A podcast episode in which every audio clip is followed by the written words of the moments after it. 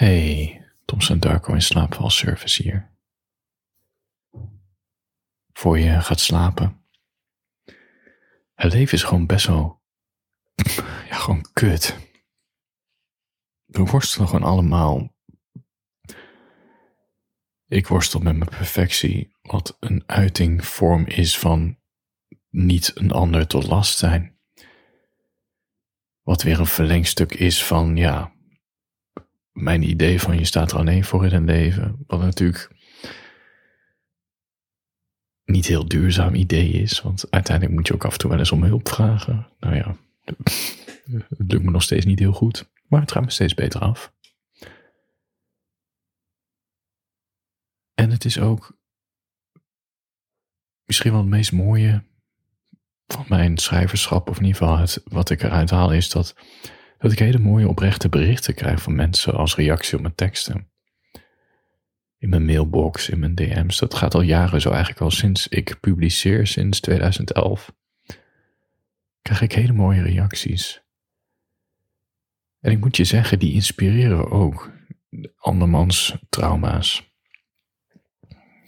Um, om er iets mee te doen, om het te stoppen in personages of in teksten of om juist weer een tekst te bedenken waar iemand dan wat aan heeft, ook al spreek ik die persoon daarna nooit meer.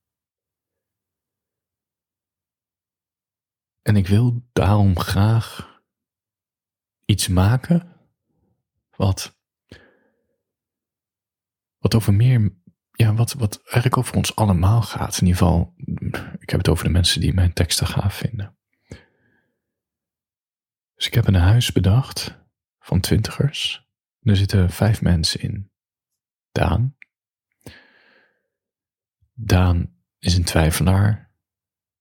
Hij heeft best wel veel. Uh, zijn vader heeft, had hoge verwachtingen van hem. Weet je, maak je studie af. Maar Daan wist het niet zo goed. En hij zit nu in een soort loyaliteitsconflict. Aan de ene kant wil hij zich afkeren tegen zijn vader. Aan de andere kant wil hij hem ook niet teleurstellen. En wat zich uit in, ja, ik weet ook allemaal niet wat ik met mijn leven moet. En het is een soort struisvogel aan het worden. Een beetje een somber, sombere struisvogel. Daar hebben we Nora in het huis. Nora is gepassioneerd en het is een beetje alles of niets bij Ze is gewoon intens en als ze van iemand houdt, dan, dan houdt ze meteen volledig van iemand. Wat rustig aandoen, het is gewoon gelijk keiharde porno en uh, nou ja, op het vliegtuig en een stedentripje nu. Gewoon, het is gewoon alles of niets haar. Alleen omdat ze zo intens is en alles geeft, stoppen heel veel mannen daar binnen drie maanden al met haar. Wat haar heel veel, ja. Niet eens dat ze heel verdrietig om is, maar geen ga je toch zeggen van ja, ben ik het wel waard om, om, omdat iemand bij me blijft. Hebben we Jacques. Jacques is de huisoudste. Enorme perfectionist, ambitieus, ze weet wat ze wil. Weet je, ze, ze traint, ze doet aan yoga. Fit lijf, werkt harder dan iedereen. Enorme drijfveer eigenlijk gaat alles ten koste van dat. Weet je, mannen zijn allemaal wel leuk en de liefde en vriendschappen, maar niets gaat ten koste van haar ambitie. Maar ja, als ze dan een beetje aandacht krijgt van de directeur, die ook nog heel aantrekkelijk is en ook nog een beetje dezelfde achtergrond heeft. Jacques is zelf half Indonesisch. Um, ja, en die directeur heeft ook een achtergrond, een migrantenachtergrond. Ik krijgt een beetje aandacht. Ja, begint ze ook ja, wat verlangens te hebben. Wat natuurlijk de kosten gaat van haar ambitie. En ja, hoe daarmee om te gaan. Dan hebben we nog Beer. Beer is. Hij ergt zich, laat me zeggen, aan dat consumentengedrag. Weet je, iedereen neemt en neemt en neemt, maar iedereen denkt maar aan zichzelf. Iedereen doet alsof er geen morgen is, alsof de planeet voor eeuwig kan bestaan. Het is een soort breker. En en zijn wapen is zijn, zijn, beetje zijn, zijn humor, zijn, zijn, beetje zijn, bijna zijn cynische betogen van ja, je doet maar en je doet maar, weet je dat. Het is grappig op te horen, het is tegelijkertijd confronterend. En tegelijkertijd ook wel weer iets om over te lachen. Alleen Beer gaat iets te veel op in, in zijn drang om de wereld te redden, waardoor hij zichzelf verwaarloost. En dan hebben we nog Cynthia. En Cynthia is de, de, de wat spirituelere dame. Alles gebeurt met een reden. De sterren vertellen echt wie je bent. De maan heeft invloed op je slaap. En ze heeft de liefde van haar leven. Nou ja, ze was er al heel lang verliefd op. Uiteindelijk werd de liefde beantwoord. En dan op een dag is die gewoon verdwenen, gewoon weg. Hoe daarmee om te gaan? Wat, wat heeft het universum met haar in petto? Twijfels. Deze personages wil ik. Dit, is mijn ambitie. Ik weet dat het enorm ambitieus is, maar ik, ga. Ik wil hun verhalen vertellen. Dit, dit via boeken, luisterboeken, misschien fotografie, misschien video. Gewoon elke keer het verhaal verder oppakken. Deze mensen volgen met hun worstelingen. Wat eigenlijk de worstelingen van jou en mij zijn. En ik noem het um, deze reeks, want het wordt dus een soort serie, is mijn ambitie. Sombere hitsigheid, omdat het gaat over, nou ja, eigenlijk zijn dit de twee belangrijkste thema's uit mijn werk van de afgelopen tien jaar. Somberte, zeker. Hitsigheid, zeker. Dus dan krijg je samen sombere hitsigheid. Er komt een nieuw boek aan. Um, ik wou hem dit jaar uitbrengen, maar dat gaat hem niet lukken. Het boek is al wel af, maar het wordt nog gecorrigeerd. En ik moet nog zoveel dingetjes aanpassen. Dat, het kost gewoon tijd een boek produceren. En dan moet hij ook nog opgemaakt worden. Geproduceerd worden. Kortom, dit gaat gewoon niet lukken dit jaar. Uh, dus die komt begin volgend jaar. En in dat boek volgen we vooral Daan en Jacques. Dus het verhaal van haar perfectionisme en het verhaal van Daan met zijn twijfelachtigheid. Maar.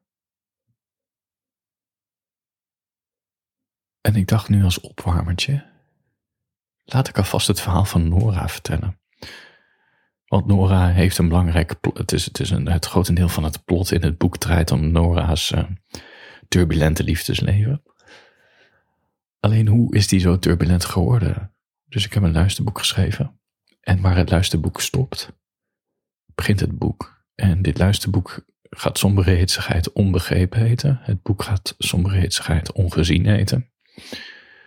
Dus dit luisterboek is eigenlijk een soort prequel. Ja, een soort van. En dit boek, dit luisterboek komt eind november uit. En ik zou het heel vet vinden als jij alvast uh, bestelt, geef ik jou in ruil daarvoor 25% korting. Uh, ja. Ja, het is de start van de serie. Dus, dus ik vind het heel spannend. Want ik hoop natuurlijk dat mensen hierop zitten te wachten. Dat mensen een beetje gaan houden van die personages. Die natuurlijk heel, ja. Ja, gelaagd zijn of zo. In ieder geval, ik probeer ze ze worstelen zonder, nou ja, het zijn gewoon mensen. En een beetje humor erin en een beetje hitsigheid. En ik hoop dat ik hier meer verhalen van kan vertellen. Maar goed, ik ga gewoon beginnen met luisterboek en boek. En dan zie ik wel hoe, uh, hoe enthousiast mensen er zijn. Of het het waard is om hiermee door te gaan. Je bestelt het voordat je in slaap valt. Sommige hitsigheid.thomsendarko.nl kan je pre-orderen zou echt heel fijn zijn. Krijg je een ruil daarvoor korting. Je kan ook de special edition kopen. Dat is eigenlijk een soort marathon in slaap van bericht van Thomson Darko. Ik, ik ben er nog niet helemaal mee klaar, maar ik ga dan het verhaal opnieuw voorlezen. En dan ga ik het van commentaar voorzien. Dus de, ja, de filosofische ideeën die ik erin heb gestopt. Welke uh, stukjes uit mijn echte leven komen. Welke gedeelte, want dat is misschien een klein geheimpje, maar um, een truc om te schrijven is dat, dat ik verschillende aspecten van mijn karakter, die stop ik in een personage. Dus mijn perfectionisme, waar ik enorm veel last van heb, die stop ik volledig in Jacques. En dat, dat is dan Jacques als persoon. Dus er is een enorme uitvergroting van mijn perfectionisme. En Daan, de twijfelaar en een beetje somberaar, dat is mijn, mijn, ja, de andere kant van mijn persoonlijkheid. Met mijn drang naar somberte en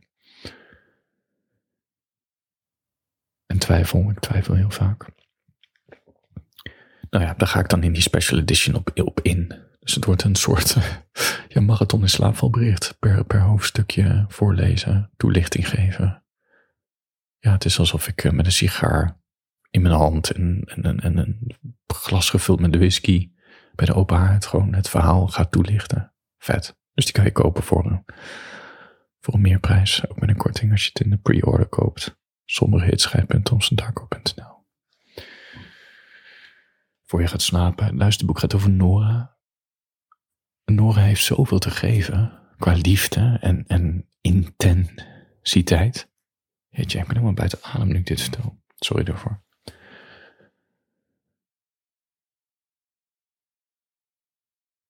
En dit is eigenlijk een beetje, het klinkt gek, maar dit is mijn ode aan al die lieve vrouwen die de afgelopen jaren hun verhalen aan mij hebben verteld over. Ja, weet je, zulke lieve vrouwen die zoveel geven en dan in een relatie komen waar misbruik van ze gemaakt wordt. Het is gewoon zo schijnend. En zo, ja, we worden dan zo blind om onze eigen grenzen aan te geven. En dan ga je er uiteindelijk aan, aan ten onder. En het erge is dat ik heb gemerkt dat het zelfs de meest. Het maakt eigenlijk niet uit wat voor karaktertrek je hebt. Het lijkt wel alsof iedereen dit kan overkomen. Dat je gewoon voor de verkeerde valt. En dan kom je pas na verloop van tijd achter. Ik heb het gezien bij hele intelligente, nuchtere dames. Juist van die autonome dames, snap je? Maar goed, ook bij hele liefdevolle mensen die altijd heel veel geven. En dan net de verkeerde aantreffen die misbruik ervan maken. Dus ja, het luisterboek is eigenlijk een, soort uh, ja, ode. Ja, ik weet het niet. Een soort. Uh, ja, misschien wel. Een soort hart onder de riem. Kijk, ik ben niet van de happy endings, dus, het loopt dan. Het is niet dat ik een verhaal vertel van, oh, eerst hield ik niet van mezelf en, en kreeg ik een ene nare vent. Toen zag ik pas in dat ik meer waard ben. Vent weg nu ben ik gelukkig. Weet je, dat, dat soort verhaaltypes hou ik niet van, omdat ik daar niet in geloof. Ik geloof namelijk in dat je altijd een zwakke plekken blijft hebben. En, en, en de punt is, je hebt inzicht nodig om te zien van, hé, hey, dit is mijn zwakke plek.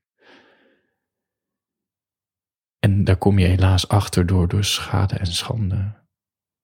En dan hoop je dat je de volgende keer, als het je weer overkomt, of de, naar, aanloop daar naartoe is, dat het zelfinzicht je wakker maakt en zegt: Oké, nu moet ik oppassen, dit is mijn zwakke plek. Dit gaan we dit keer maar niet doen. Snap je? En dat is iets anders dan overwinnen. Dat is misschien wel mijn hoofdboodschap in heel veel teksten. En dit is in ieder geval ja, de boodschap die in dit luisterboek zit. Sombere, somberheidsigheid nummer 0. Dubbele punt onbegrepen. Het verhaal duurt ongeveer 4 uur. Uh, 3,5, 4 uur. Met mijn stem ingesproken. Ik heb heel erg mijn best opgedaan. Zodat je ja, al wandelend of al reizend in de wereld van Nora kan stappen. En een beetje kan lachen en een beetje hitsig kan worden. En een beetje somberte en pijn voelt.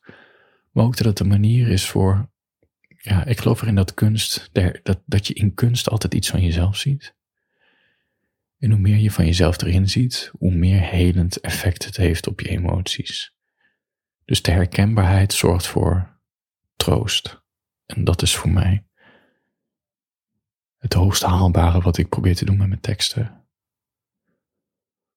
dat mensen zich erin herkennen en, en, en een vorm van troost vinden. Ik ben geen goeroe. Ben meer iemand waar je even flink kan uithuilen, snap je? Dat is mijn doel met alles wat ik maak. Ja, ik vind het. Ik, ik vind het echt vet, gewoon wat ik heb gemaakt. Het klinkt heel, ja, ik vind het heel raar altijd om te zeggen. dat die perfectionist van mij nooit iets goed genoeg vindt. En op een gegeven moment stop ik er maar gewoon mee en dan begin ik met een nieuw project. Dan hoef ik niet meer zo emotioneel betrokken te zijn bij wat ik heb gemaakt. Maar ik vind gewoon, het is vet zonder hitschheid wat er nu staat. En ik ben met Mathieu, die maakt mijn designs voor de covers. Weet je, we hebben vet coverwerk gemaakt. We hebben nog heel veel ideeën als dit verhaal doorgaat en ik dit universum kan uitbouwen via andere verhalen. Om er hele vette visuals bij te maken merch. En het voelt een beetje als een nieuw begin of zo. Gewoon als iets, als een, als een project wat, wat ik, waar ik een paar jaar mee vooruit kan. En alle inzichten en, en mijn ontwikkeling als kunstenaar van de afgelopen jaren. Het voelt alsof ik dit nu allemaal hierin kan stoppen. Ja, ik heb gewoon zin om hiermee verder te gaan. Maar goed, ik, ik weet ook, ik moet focus hebben. Ik kan niet 600 projecten tegelijk beginnen. Het is stap voor stap. Nu zijn twee stappen. Boek uitbrengen. Begin 2023. Luisterboek. Stap 1. Die komt eind november uit. Als je nog niet in slaap bent gevallen. En je hebt interesse, pre-order alsjeblieft. Ja.